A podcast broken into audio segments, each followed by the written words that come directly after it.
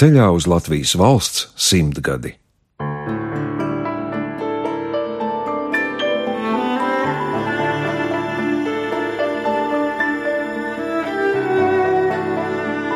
Dzimtas saknes.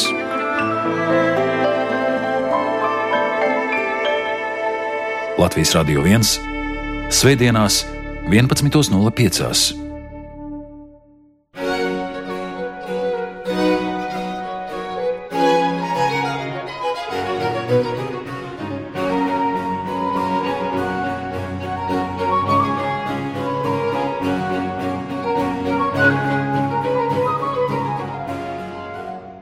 pagājušā gadsimta pašā sākumā kāds Rīgas iedzīvotājs būtu devies tālā ceļojumā un atgriezies pēc 12 gadiem, viņš diez vai pazītu šo pilsētu, kas no miegainas un provinciālas nomales pēkšņi pārvērtusies par vienu no Eiropas kultūras pērlēm. Un sacītais nav pārspīlēts, jo nepilnu 12 gadu laikā, kopš Rīgas mērs ir bijis britu izcelsmes rīznieks Džordžs Armitsteds, mūsu pilsēta pārtapa līdz nepazīšanai zirgu tramvaja vietā elektriskā tramvaja līnija, centralizēta ūdens apgādes sistēma, un rīzniekiem agrās rīta stundās vairs nav jādodas pie akām vai ūdens pumpiem, ielas grezno jūgenstila nami, uzcelts mākslas muzejs un pilsētas teātris, atvērtas 16 jaunas skolas, ierīkoti parki un dārzi, izbūvēta preču stacija un Rīgas osta, atvērtas tautas bibliotēkas un tēnīcas, veicināta rūpniecības un tirzniecības attīstība. Un tā ir tikai daļa no paveiktā, ko 11 gados, 6 mēnešos un 10 dienās spējis izdarīt izcilais Rīgas mērs Džordžs Armitsteds, kuram 27. oktobrī apritēja 170. dzimšanas dienas gads kārta. Par šo izcilo personību, viņa veikumu un ģimeni šodien raidījumā dzimtas saknes, ko veidojusi Inte Zēknere.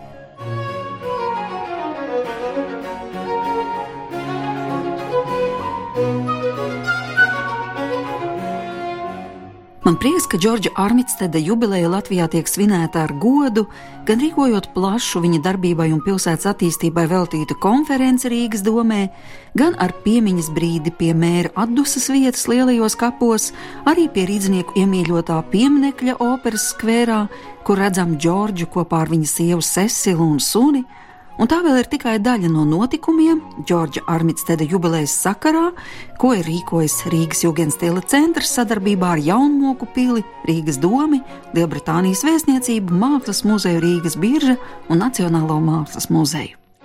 Bet vispirms mēģināsim atšķirt sazaroto un kuplo Armitstedu dzimtes vēsturi, kuras saistībā ar Rīgu iesākusies 1812. gadā, kad cienījama Īzingvuldas vikāra Džona Viljama Armitsteda dēls 27 gadu vecumā saņēmis savu mantojumu daļu pēc vecāku aiziešanas mūžībā, no Anglijas ar kuģi ierodas Rīgā. Droši vien viņš bija labi iepazinies ar politisko situāciju, jo tas bija laiks, kad risinājās Napoleona karš ar Krieviju. Iespējams, viņš arī zināja, ka Rīgas rāti kopš 1810. gada vada Skots Augusts Vilhelms Barklājs de Tollī un ka Rīgā sekmīgi darbojas skotu un angļu tirsniecības firmas, un vienā no tām, Mičelenko, arī pieņem jauno atbraucēju darbā.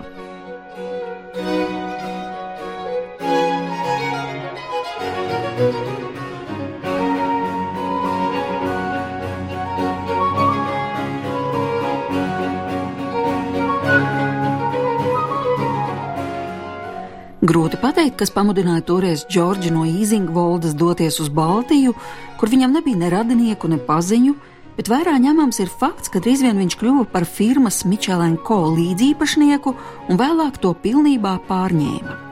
Turīgs būdams jauneklis drīz vien tika uzņemts Rīgas melngalvju biedrībā, taču jau 1817. gadā viņam to nācās pamest, jo Džordžs ieskatījās vienā no bagātākajām Rīgas līgavām, Vācu baltu dzimtas mantiniecei Emmā von Jākobī, un Emmas vecāki deva svētību šīm laulībām.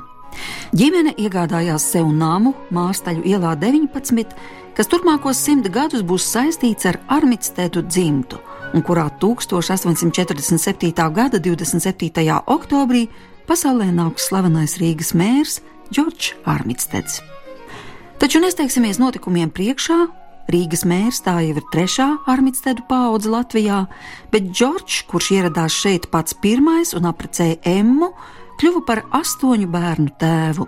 Divi gan agri aizgāja mūžībā, bet seši ieguva labu izglītību un spējas attīstīt savus talantus, un viņu vidū Džons Viljams, Džordžs, Džeims, Marija Anna, Alfrēds un Cecile Evelīna. Dēli studēja gan Rīgā, gan ārzemēs, bet meitas izglītību ieguva mājskolotāju uzraudzībā, un, kā tas pieņemts, notika arī privātstundas mūzikā, kuras meitenēm pasniedza Rīgas pilsētas teātra galvenais diriģents, vēlāk slavenais komponists Rihards Vāgners.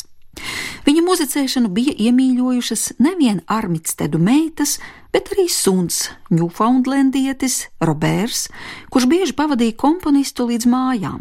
Bet tad, kad Vāgners bēgdams no kreditoriem pameta Rīgu, tad Roberts viņu pavadīja arī tālākā ceļā, tiesa bez saimnieku atļaujas.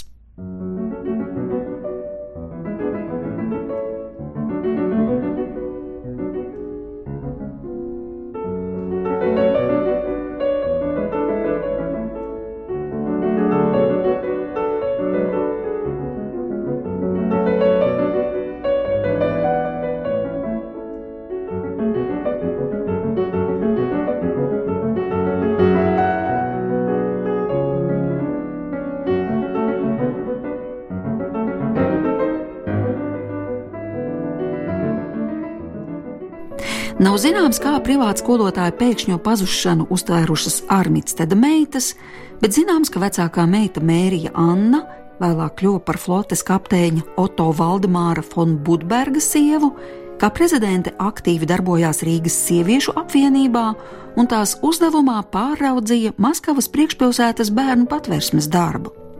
Jaunākais dēls Alfrēds savulaik bija Rīgas biržas komitejas loceklis un Rīgas Komercbankas padomas priekšsēdētājs un apprecēja ģenerāla konsula Vērmaņa meitu Mariju. Savukārt viņa brālis Džeims tā arī palika līdz mūža galam vecpuišos, bija Rīgas biržas komitejas priekšsēdētājs, cilvēks ar dāsnu sirdi, mecenāts, kurš plaši iesaistījās labdarībā, ziedojot ievērojumus līdzekļus Anglikāņu svētā pestītāja baznīcas celtniecībai, uzdāvinot Rīgas pilsētas gleznu galerijai savu gleznu kolekciju, kā arī novēlot Rīgas pilsētai 500 tūkstošu rubļu, par ko 19. gadsimta pašās beigās, 1899. gadā tika uzcelta un uzturēta pirmā bērnu klīniskā slimnīca Latvijas teritorijā, kas bija viena no labākajām bērnu ārstniecības iestādēm visā toreizējā Krievijas impērijā. Un, kā zinām, tā joprojām darbojas un ir nosaukta Džeimsa Armitsteda vārdā. Zīmīgi, ka Džeimsa testamentā rakstīts, tam, ko Rīga, kuras lielākoties dzīvoja un kur kaldināja savu kapitālu, iegūs no mana testamenta, jābūt izmantotam vienīgi iestāžu dibināšanai vai uzturēšanai, kas kalpotu nabadzīgiem Rīgas iedzīvotājiem, labdarībai dažādu tautu un ticības cilvēkiem.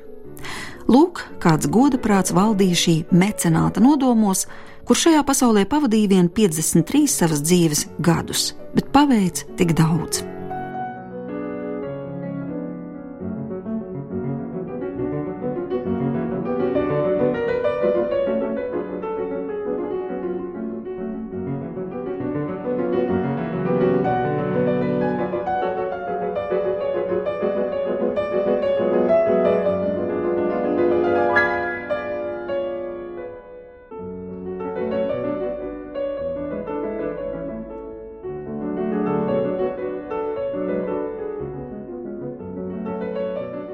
Savukārt tagad pievērsīsimies vēl diviem šīs kuplās ģimenes pārstāvjiem - dēlam Džordžam, kurš nolēma no Rīgas aizbraukt jau 19 gadu vecumā, un vēlāk kļuva par ievērojumu Britu parlamenta deputātu, un Džonam Viljamsam, kurš kļuva par slavenā mēra Džordža Armitsteda tēvu. Kādu laiku arī Džons Viljams darbojās Rīgas biržas komitejā, bet vēlāk kopā ar brāli Džeimsu nodibināja firmu brāļi Armitstedi. Brāļiem piederēja arī kokzāģētava, papīra fabrika un Dinaburgas Vitebskas dzelzceļa līnija. 1848. gadā Rīgā plosījās holēras epidēmija, kas izdēsa daudzu rīdzinieku dzīvības, tā skaitā bojā gāja arī abi vecāki, Džordžs un Emma, paliekot neīstenotam sapnim par anglikāņu baznīcas uzcelšanu. Tomēr dēli šo sapni piepildīja, un jau 1856. gadā šis dievnams vēra savas durvis.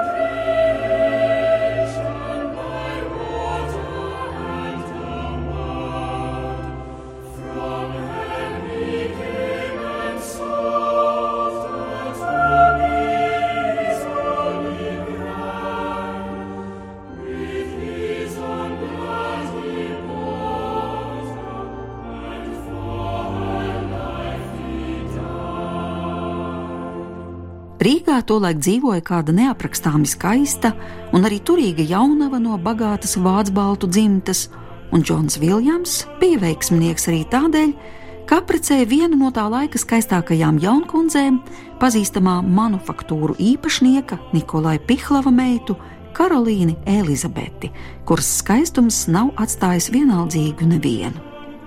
Ģimene apmetās uz dzīvi Mārstaļu ielas nama otrajā stāvā, un drīz vien tajā ieskanējās arī bērnu balsis. Četras jaunas atvases ienāca Armitstedu ģimenē - Džordžs, Lūcija Anna, Fanija un Edgars. Esam nonākuši līdz Armitstedu trešajai paudzei, kuras likteņi ir bijuši jo dažādi.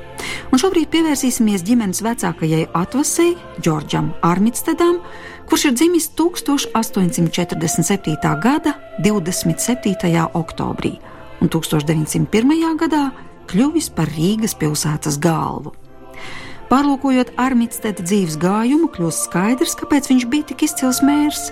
Pirmkārt, viņš bija labi izglītots.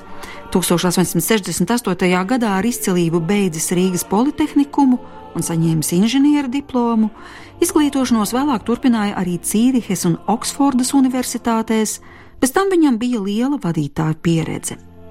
Armitsteds dibināja un vadīja gan Volgundas ķieģeļu cepli, bija arī Rīgas kaulmiltu fabrikas īpašnieks un direktors, Baltijas celulozes fabrikas īpašnieks un prezidents, un kopš 1892. gada Dinaburgas Vitebskas dzelzceļa direktors. Rīgas dome 1901. gadā Armitstedu ievēlēja par Rīgas mēru, un toreiz balsošana notika ar baltām un melnām bumbiņām, un par Armitsteda kandidatūru bija 67 deputāti, bet pret tikai 3. Pēc ievēlēšanas Džordžs ir sacījis zīmīgus vārdus: Kungi, pateicos par atbalstu, darīšu visu, ko spēju, un pierādīšu, ka esmu jūsu uzticības cienīgs. Un to Džordžs Armitsteds pierādīja ar darbiem.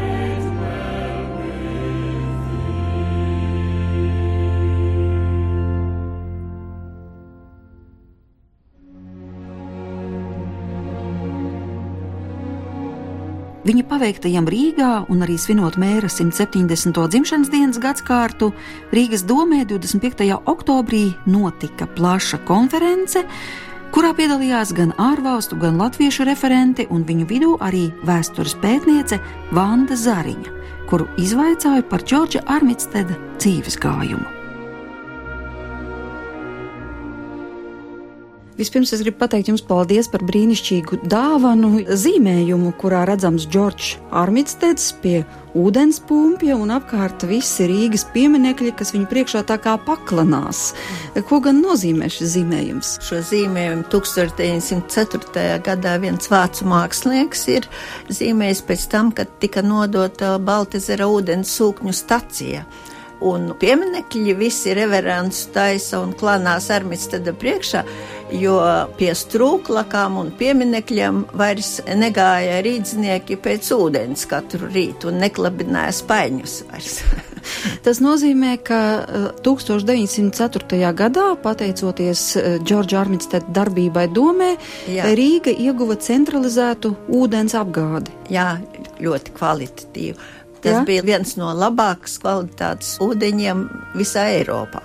Armītsteds eh, tā vēsturiskajos datos ir minēts, ka viņš ir runājis piecās valodās, vai viņš ir runājis latviešu valodā? E, Ziniet, eh, es tomēr neatradu par Armītstedu. Man tādu ziņu nav ne no viņa radiniekiem, ne arī no arhīvu materiāliem, kurus es esmu pētījis. Man nav izdevies. Bet tajā pašā uzzināt. laikā viņš bija pirmais no mēriem, kas uzaicināja latviešus piedalīties Rīgas domas darbā. Kurš iesaistīja latviešu jā, plašāk? Jā, jā, viņš redzēja, ka latviešiem ir nākotne, un viņš redzēja, ka arvien vairāk uzņēmēji un ļoti labi uzņēmēji ir, un latviešu rokās ir gan ūdens transports lielā mērā, un māju celtniecības uzņēmumi daž, dažādi. Nu, Armistets redzēja arī, dzen, ka tikai tā apvienojot visu spēkus var risināt jautājumus daudzus pilsētā, un to viņš redzēja bez sava gala.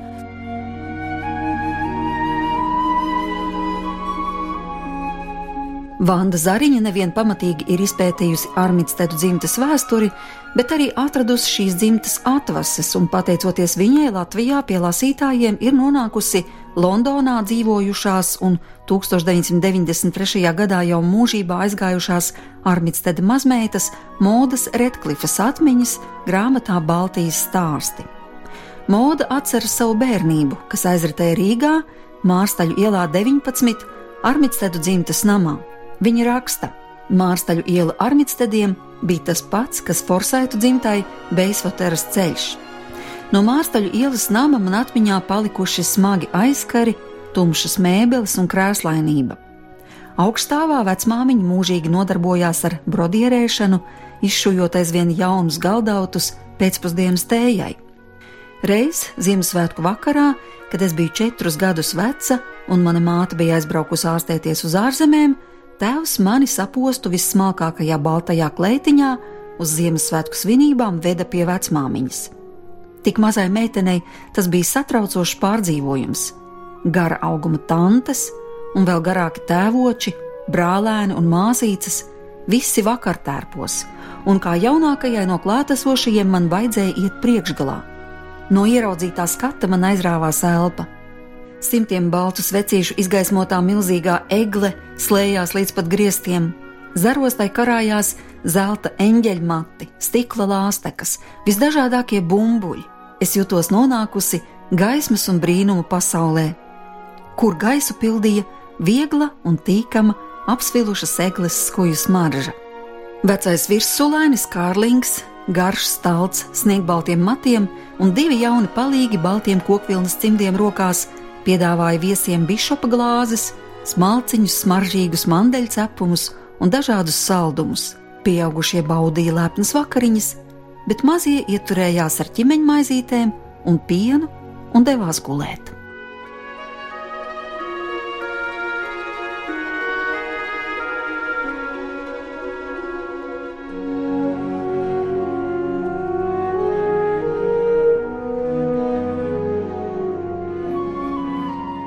Tā savu bērnību Rīgā Mārstaļu ielā atceras Armītsteda mazmeita Moda Redklifa. Bet mēs turpinām sarunu ar šīs dzimtas likteņu pētnieci un vēsturnieci Vandu Zariņu. Turpinām sarunu par Džordža Armītsteda raksturu. Nu, viņš tāds nu, ģimenē, piemēram, attiecībā uz bērniem, viņš bija ļoti prasīgs cilvēks, stingrs tēvs bija. Un viņš teica tā, bērni jāredz, bet nav jādzird. Ak, tā? Jā. Bet tomēr tas ir interesanti par šo frāzi, ka bērni ir jāredz, bet nav jādzird, jo Moda Redklifa, kas ir viņa mazmeita, raksta savās atmiņās, ka viņai ir bijušas ļoti mīļas attiecības ar Džordžu Armitstedu, ar savu vecstāvu, ka viņai ļoti paticis ir sēdēt viņam klēpī Jā, jā, un tas- uzpūst tur elpu viņa zelta pulkstenim, un tas neticamā kārtā esot tajā brīdī atvērties vaļā. Jā. Tas nozīmē, ka kaut kāda sirsnība pret bērniem ir tomēr bijusi, ne tikai stingrība. Šī bildē jūs redzat viņu ar mazdēlu. Tas ir Džona Cecila dēls. Jā, tas ir Džona Cecila dēls. Jā. Un te var redzēt, kā viņš viņu sirsnīgi paņēmis aiz rokas ir, Jā, bet divi un ved staigā, pa kaut kur jā. pa parku. Ir tāds fakts arī par Džordžu Armitstedu rakstīts, ka viņš jau pirms kļuva par Rīgas mēru, varētu sacīt, bija miljonārs, jo viņam piederēja kaulu miltu fabrika un eh, Dinaburgas Vitebskas dzelzceļa līnija, parket fabrika un vēl daudzi uzņēmumi, līdz ar to viņš bija ārkārtīgi bagāts cilvēks būtībā. Jā, viņš ir bagāts cilvēks, bet viņš līdz ko viņu ievēlēja par pilsētas galvu, viņam neatlika laika. Viņam dēls nodarbojās ar šīm lietām, ja. Tātad sanāk tā, ka par labu Rīgas pilsētas celtniecībai jā, jā. viņš atteicās no sava biznesa un to uzticēja vadīt Džonam Cecilam, kas bija viņa dēls. Jā, Džons Cecils varbūt nebija tik veiksmīgs biznesmenis, un brālis jau nu netika. Nu, un tad, eh, kad eh, pārdeva pēc armijas, tad nāves bērni pierunāja no tā drūmā nama Mārsteļu ielā 19, tad uh, viņa kundze pārvācās tātad uz baznīcas ielas 4. namu, jā. Nu, un tad nāca 19. gads, ienāca Stučkas valdība, sākās represijas milzīgās, un tad arestēja viņas dēlu. Džonu Cecilu. Džonu Cecilu arestēja, jā, un Armistede kundze slēpās ar vedeklu vienā privāti klīnikā. Un cik ilgi Cecila nodzīvoja pēc vīra aiziešanas mūžībā? Cecila nodzīvoja līdz 1940. gadam. Viņa 39. gada beigās aizbrauca uz Vāciju, un 40. gadā viņa mira. Bet līdz 39. gadam Džordža Armitsteda atraitne dzīvoja Rīgā. Līdz 39. jā.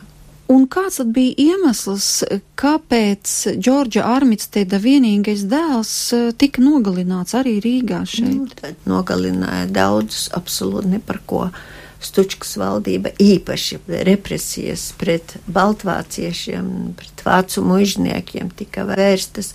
Nekādi pierādījumi nebija vajadzīgi. Tā tad tu esi bijušā pilsētas galvas dēls, ar to pietika.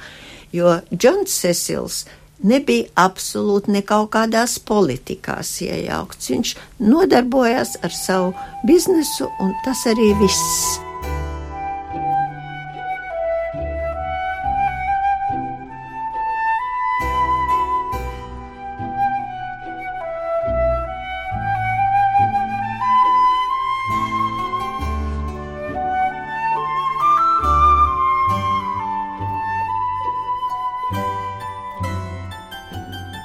Pēc šī gadījuma, kuri no Armitstediem tad devās projām? Armitsteda meitas, viņas vēl palika šeit Nē, dzīvot? Armitstada meita viena pirmā pasaules kara laikā izbrauca ar savu ģimeni. Edīta Henrijs un Edita mazā moda aizbrauc Henrijs projām. Un moda jau bija Anglijā. Ja? Tātad šeit palika tikai Lūcija, un palika mamma, un palika vedekla ar bērniem. Kā jums šķiet, kas vēl ir nepieciešams Rīgā, lai godinātu Džordža Armitsteda piemiņu? Grūti tā pateikt. Man liekas, ka šo mēru gan daudzi rīznieki zina. Ja? Tā ir tā galvenā piemiņa, kad cilvēku atceras un cilvēku pazīst.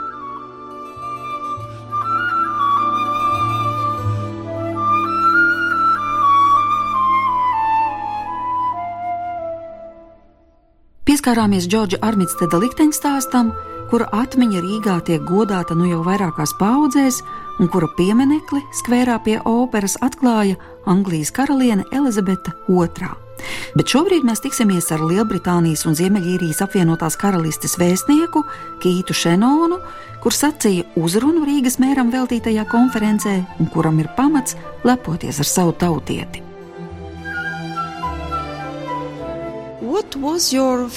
Kāda bija jūsu pirmā iepazīšanās ar Armitstedu dzimtu? Kad jūs uzzinājāt par Armitstediem, kuri dzīvojuši Rīgā un tik daudz ir paveikuši mūsu pilsētas labā? Well, I'm a, a historian by academic background at a history university. Esmu vēsturnieks pēc izglītības, studēju universitātē moderno laiku vēsturi, un, kad gatavojos kļūt par vēstnieku Latvijā, es lasīju, cik vien daudz iespējams par Latviju, par Rīgu un par attiecībām starp Lielbritāniju un Latviju. At, um, the British rule in Latvian independence, 1918-1919. But then I began to look further back and read into the history of George Armistead as mayor. Īpaši es pievērsu uzmanību Britu lomai Latvijas neatkarības iegūšanā ieviešanā 1918. un 19. gadā, bet es arī ielūkojos vēsturē vēl tālākā laikā, kad Džordžs Armitsteds bija mērs no 1901. līdz 12. gadam, un arī lasīju par šīs dzimtas aizsākumiem šeit 19. gadsimta sākumā, kā arī par tirzniecības sakariem starp Lielbritāniju un Latviju visā 19. gadsimta garumā. Kas bija vispārsteidzošākais, lasot šīs dzimtas vēsturi? I, I'm not sure it was surprising, but I, I was very impressed by. I mean, firstly, there's there's the visual legacy of Armistead. Which es neteiktu, ka pārsteidzošākais, bet mani dziļi iespaidoja tas, ko Armitsteds šeit paveica. Pirmkārt jau, ka viņa laikā mainījās pilsētas vizuālais tēls, ka radās brīnišķīgas jugendstila ēkas un skaistie parki. Jo vairāk lasām, ko Armistēds paveicis šeit, gan kā biznesmenis, gan kā mērs, jo vairāk atklājas, ka viņš tiešām ir bijis īpaša izcila personība, kas prata pielietot savas tehniskās un biznesa zināšanas, lai veicinātu tirsniecību pilsētā, bet arī uzlabotu tās infrastruktūru - sanitārija, slimnīcas, izglītības iestādes, parki, meža parks tā skaitā. Viņš bija tiešām cilvēks, kurš lūkojās nākotnē domājot par pilsētas attīstību, kā arī cilvēku savstarpējo sadarbību, un viņam bija patiesa sirds, līdzcietīga pret cilvēku vajadzībām.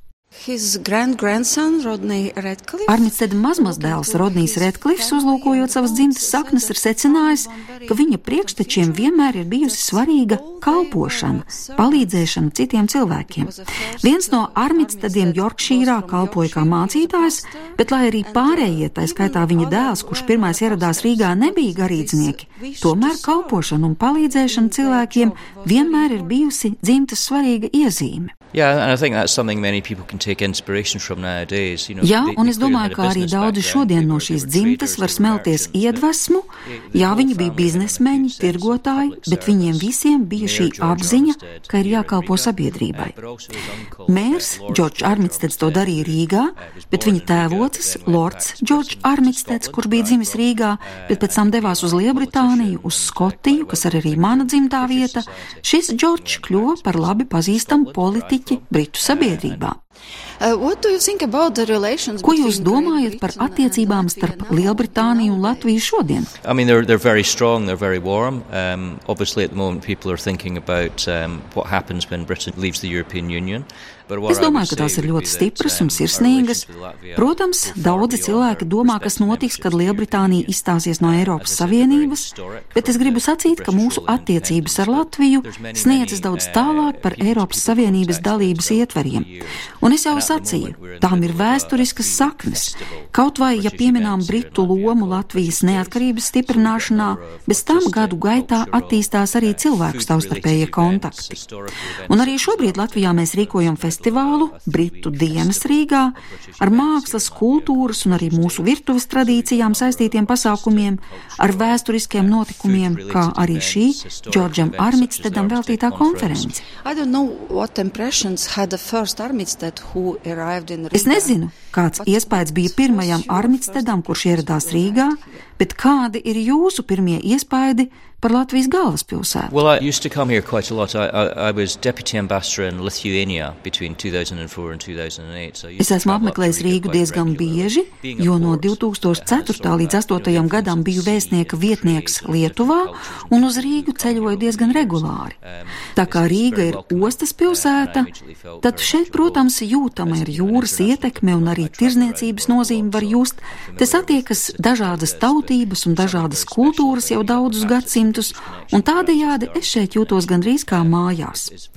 Protams, kā diplomāts es daudz ceļoju pa pasauli un esmu iepazinis daudzas pilsētas, bet Rīga ir īpaša.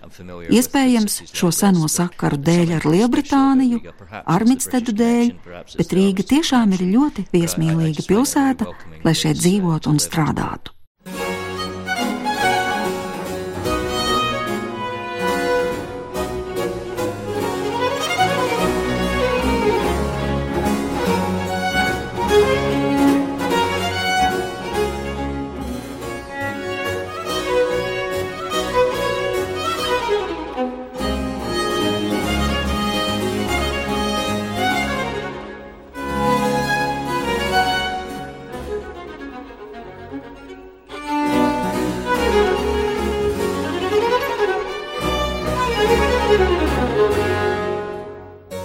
Nākošajā dienā pēc konferences Džordža Armitsteda piemiņa tika godināta gan viņa atdusas vietā lielajos kapos, gan pie rīdzinieku iemīļotā pieminekļa operas skvērā.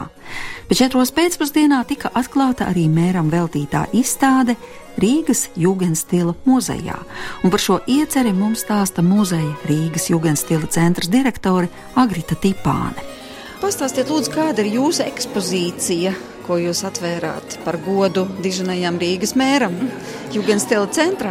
Jā, tātad arī muzejā ir neliela ekspozīcija, un tā ir saistīta tieši ar šo ģimenes kolekciju. Ko mēs te redzam? Mēs redzam Džeimsa Armitsteda kolekcijas eh, gleznas, jo dažas ir tik vērtīgas, ka viņas atrodas pamata ekspozīcijā biržā, bet dažas atrodas krājumā, un tās, kas nav redzētas būtībā gadu desmitiem, eh, pašreiz redzams pie mums muzejā. E, tad mums arī ir no Rīgas vēstures un kuģniecības muzeja pāris lietas. E, tur ir Alfrēda Armitsteda portrets, kas arī pēdējo reizi bijis izstādē Rundālē tikai. Un tad mums arī ir e, šie īpašie šīvji no ģimenes relikvijām, no ģimenes porcelāna kolekcijas servīzes, kurus Rodnijs Retklifs nu, dāvina ar dāsnu sirdi gan muzejiem, gan privātu kolekcijām. Un Rīgā jau ir diezgan liels skaits, jo arī jāmokās ir pāris no šiem šķīvjiem. Bet skatoties uz to kolekciju, ko Džeims ir uzdāvinājis Rīgas pilsētai, tātad Džordža Armits, tad tēvocis, ko var spriest par šo cilvēku, par viņa gaumi, varbūt par raksturu? Gleznas, protams, ir bijušas domātas kādreizējam Mārstaļa ielas namam un dzīvoklim. Un būtībā tā ir kolekcija, kas ir radusies 19. gadsimtā. Un tie ir vācu, pārsvarā vācu mākslinieku darbi. Bet kas ir interesanti, ka tā laika cilvēki aizrāvās ar mākslu, jo lielākā daļa no viņiem bija uzņēmēji, kaut gan, protams, visi ieguvuši augstāko izglītību. Bet māksla tā bija tāda īpaša lieta, eh, kas viņus saistīja. Tad šie mākslas darbi sākotnēji, protams, tika pirkti savai dzīves vietai. Bet tad, kad sāka Rīgā veidoties muzejs, tad ar dāsnu roku tika dāvināti muzejam. Kas jūs pašu visvairāk pārsteidz vai sajūsmina pie šīs ģimenes saknēm, pie šīs dzimtas? Mani sajūsmina būtībā tieksme viņu, kas ir, jo Rīgā Viņi jau ir apmēram 20 gadus. Viņi ir ieguvuši neskaitāmus draugus. Un tas dāsnums, kas bija toreiz Armistera ģimenei, kas dzīvoja pirms simts gadiem mūsu Rīgā, šis dāsnums turpinās arī šodien. Jo, nu, kā jūs nu pats stāstīja, arī kaut nelielie, bet šie dāvinājumi, arī Jaunmoku pils muzejam ir vairāk šādi dāvinājumi, jo viņi saprot, ka tieši viņu piemiņu vislabāk var saglabāt šeit Latvijā, kur mēs zinām viņu dzimtas stāstus, jo uh, nepārtraukti šo trīs dienu garumā tika atgādināts, cik skolas, cik slimnīcas, cik nabaga patvērsmes tika uzceltas un uh, visi tie labie darbi, kas bija izdarīti Džordža Armitsteda kā Rīgas mēra laikā.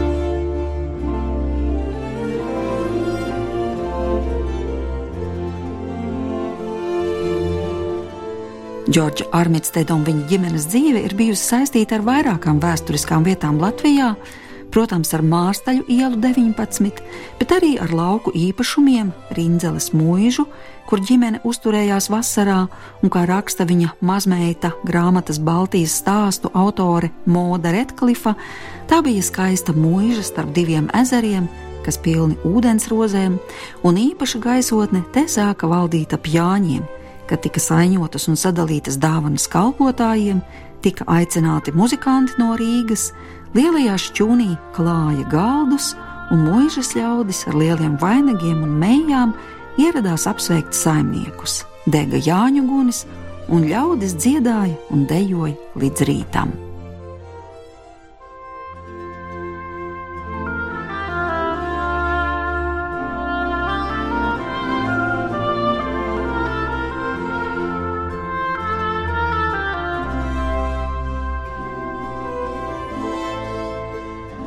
Vēl mērs 1905. gadā iegādājās nāmu pārdaugavā, brīvzemnieka ielā septiņi. Tā ir tāda kā brīvdienu māja, un no pārdaugavas viņš uz darba domē pirmdienu rītos brauca ar tramvaju. Savukārt 1901. gadā pēc Vilhelma Bokslava projekta tiek uzcelta Jaunmoku pils, kuras sadarbību mērs vada pats, un tā tiek dēvēta par Armitsteda medību pili un šī joprojām ir vienīgā vieta pasaulē, kur vispilnīgāk tiek saglabāta arī slavenā mēra piemiņa. Apskatām telpas mēra dzimšanas dienā, 27. oktobrī, kopā ar Jaunmūku pils direktori Guntu Laursoni.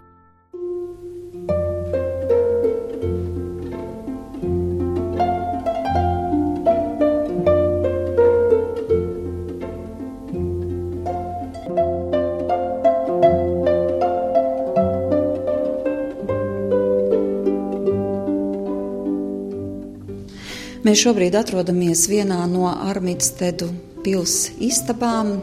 Kamīnā sprakšķi malka un aiz loga tikko nolija īsts rudenīgs lietus, un varam redzēt, ka dīķis atmirdz tajās rudenīgajās debesīs.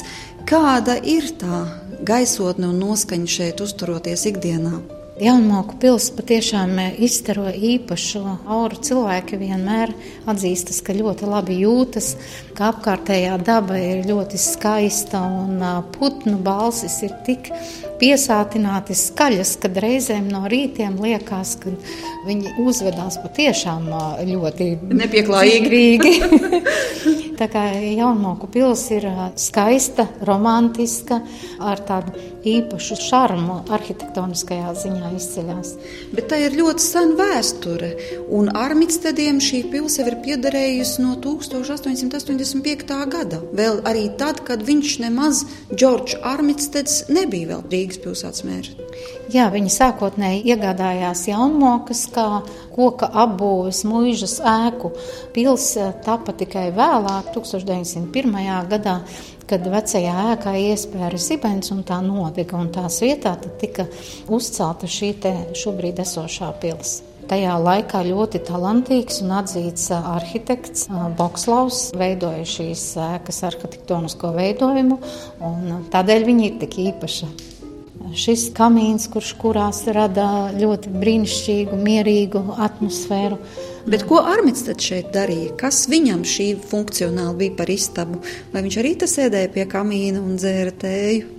Pieļauju, ka jā, šis varētu būt vairāk tā kā dāmas salons, jo tajā laikā dalījās pēc kopīgām vakariņām. Kungi gāja uz savu kungu istabu, kabinetu pārsvarā, kur tika kūpināts cigārs un malkots kāds labs dzēriens. Savukārt dāmas devās uz savu salonu, kur izcināja mierīgas, nesteidzīgas sarunas, veidoja izšūmus un tādā veidā atpūtās savā sievišķīgajā vidē. Un tas nozīmē, ka tūlīt mēs no dāmu salona dosimies uz kungu salonu, vai arī precīzāk droši vien būtu teikt uz Armitsteda kabinetu. Jā, uz Armitsteda kabinetu, kas ir kā piemiņas memoriālā istaba Rīgas mēram Džordžam Armitstedam. Un tas atrodas pavisam blakus, kā nākošā telpa šī dāmu salona. Jā, tā ir sanācis, un šī telpa ir tiešām īpaši izveidota ar uh, ģimenes ciltskoku ar senču fotogrāfijām, ar dažādiem priekšmetiem, kas patiešām ir piederējuši viņam. Tas tiešām ir tāds pamatīgs mēra kabinets. Piemēram, tālākajā stūrī man īpašu uzmanību piesaista koferis ar hūti, vai tas tiešām ir viņa īpašums? Koferis patiešām ir Džordža īpašums. Arī šī te zofa ir um, autentisks Džordža īpašums. Uh, šis jūgenstila krāsā zilais uh, spilventiņš arī ir.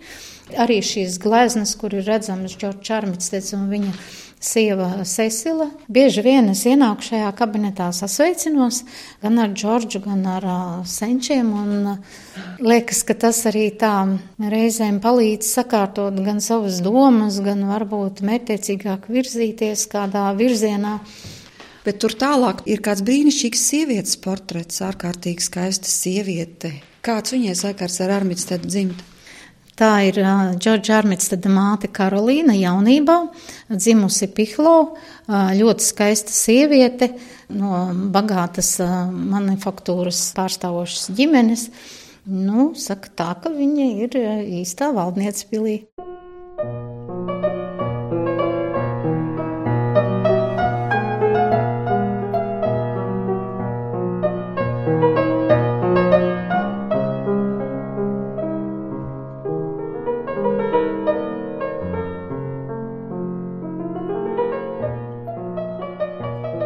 Džordža Armitsteda jubilejas svinībām bija ieradušies arī leģendārā mēra pēcteči.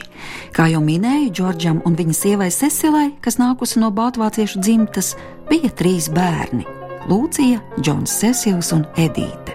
Latvijā traģisku likteni piedzīvojušā Džona Cecila bērni, Džordžs Šivars un meita Gerda kopā ar sievu aizbrauca uz Vāciju, un viņa pēcteči joprojām dzīvo Vācijā. Meitai Gerdai ir divi bērni, Georgs un Irēna, bet no Kanādas uz svētkiem bija ieradusies Lūcijas mazmeita Hildegārda ar ģimeni, kā arī jaunākās meitas Edītes mazdēls, Modas Redklifas dēls. Rodnijs Redklifs kopā ar sievu Džūdiju, un visi kopā mēs satikāmies jaunmokās, slavenā mēra darba kabinetā, kas joprojām rada iespaidu, it kā Džordžs tikai uz brīdi būtu kaut kur aizceļojis.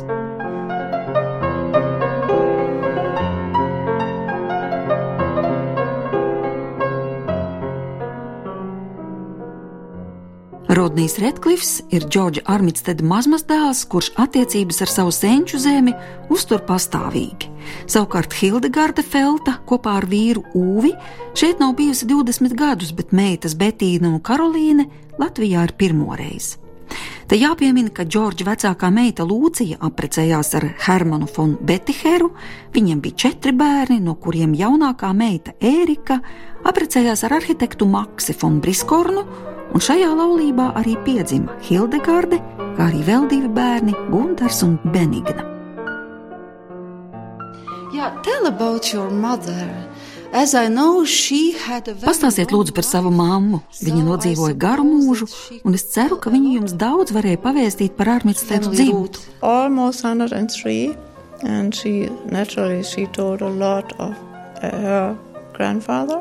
He was a very strict Englishman.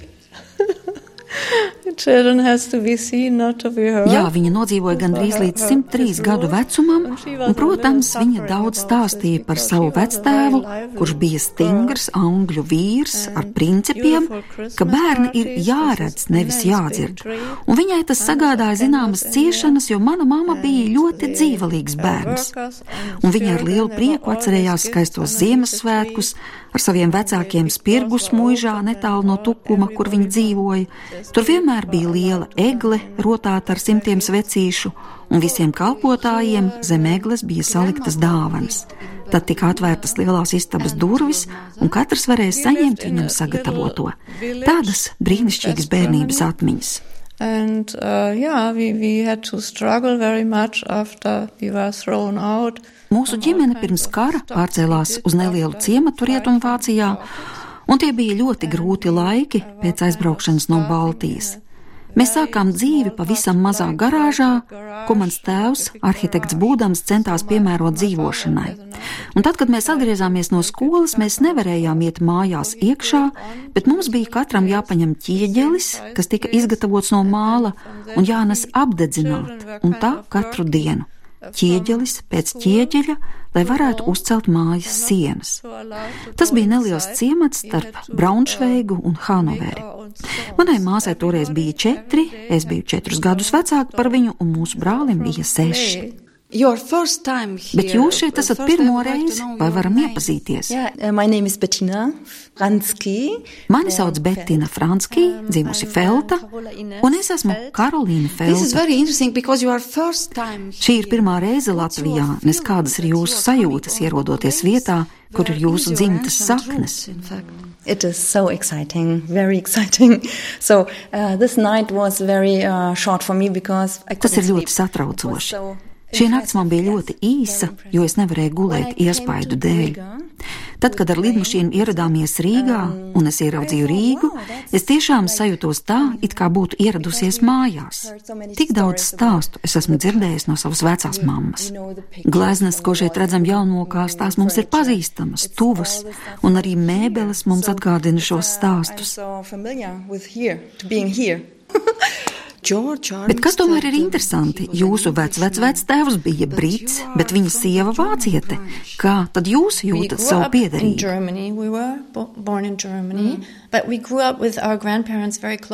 Mēs izaugām Vācijā un piedzimām Vācijā, bet mēs pavadījām daudz laika ar saviem vecvecākiem un burtiski uzsūcām no bērnības tos stāstus, tās tradīcijas, kas ir nākušas no seniem laikiem. Tie ir stāsti, ko vecā mamma un mamma stāstījusi par to, kā vecā māma ir dzīvojusi Spirgus mūžā, kas ir bijusi tik jauka, tur bija dzīvnieki, daba, un te arī šajā pilī mēs sastopam mūsu vēsturi. Well, you know, you could say the descendants are neither English nor German. You could say that. Protams, jūs varat sacīt, ka mēs jau neesam ne īsti briti, ne īsti vācieši, jo tik tiešām no vienas puses mūsu dzimtā ir baltvācieši, bet no otras briti. Es varu justies vairāk kā brits, jo esmu dzimis Lielbritānijā. Tomēr, kas ir interesanti, ka attiecībā uz tradīcijām neatkarīgi vai tā bija Vācija, kā Hildegardei, vai Londona, manā gadījumā, mūsu mājās bija tās pašas tradīcijas. So, as an English person, you see, I can, I can share those stories mm. as much as Hildegard as a German person can share those stories. Parallel in different countries, the same heritage. Did. Jā, jā, praktiski tās pašas tradīcijas. Arī kas attiecas uz svētku svinēšanu, mana mamma cepa pīrādziņus un lielu kliņģeri, kas rotāts ar augļiem, un rozīnes bija kliņģerī iekšā. Tādi vienmēr tika cepti dzimšanas dienās.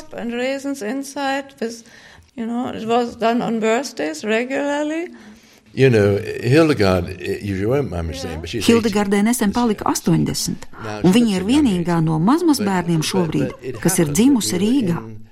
Bet vai jūs zināt, kas notika vakar?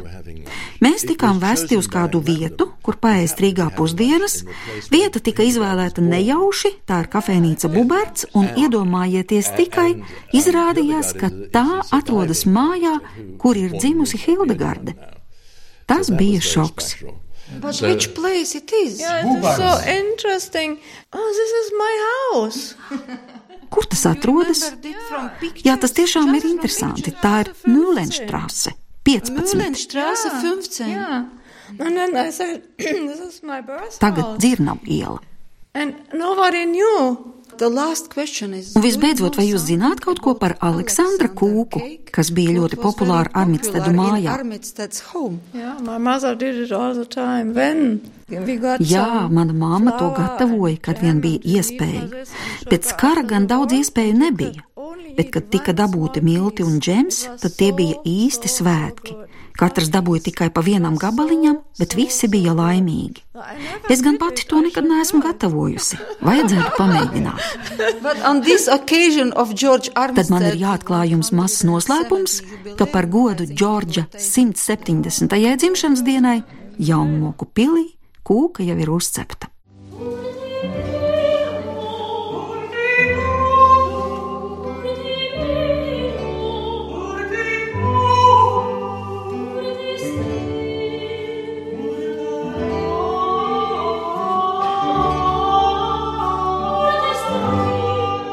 Pirms ķerties pie kūkas, pils Baltajā zālē jau pēc brīža notiek grāmatas Džordžs Armitsteds, Rīgas goda pilsonis atvēršanas svētki, bet augšējā stāvā tiek atklāta arī Hildegardas Feltas gleznu izstāde.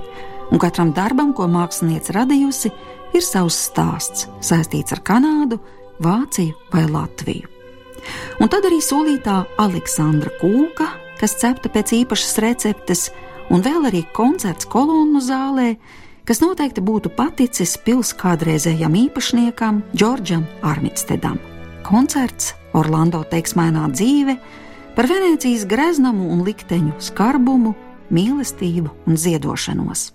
Šo stāstu mūzikā tovakar atklāja Karina Bērziņa kopā ar solistiem Sergeju Jēgeru un Jolantu Strikaiti Lapiņu, instrumentālistiem Agnesi Kanniņu Liepiņu, Jānis Tafecki un Vladimiru Kudrinu teiksmainā dzīve. Cik daudz tajā krāsainu pavadienu vēl šķetināmu un atklājamu, joprojām arī dzimtā, kas nes Armitstedu vārdu un turpinās.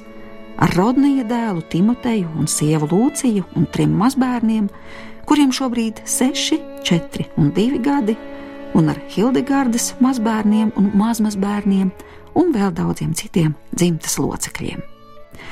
Teiksmainā, krāsainā, noslēpumainā dzīve, ko šodien tikai nedaudz iepazinām raidījumā dzimtas saknes, kurā par izcilā mēra Džordža Armitsteda likteni un arī paudzēm pirms un pēc viņa stāstīja Inte Zēgnere.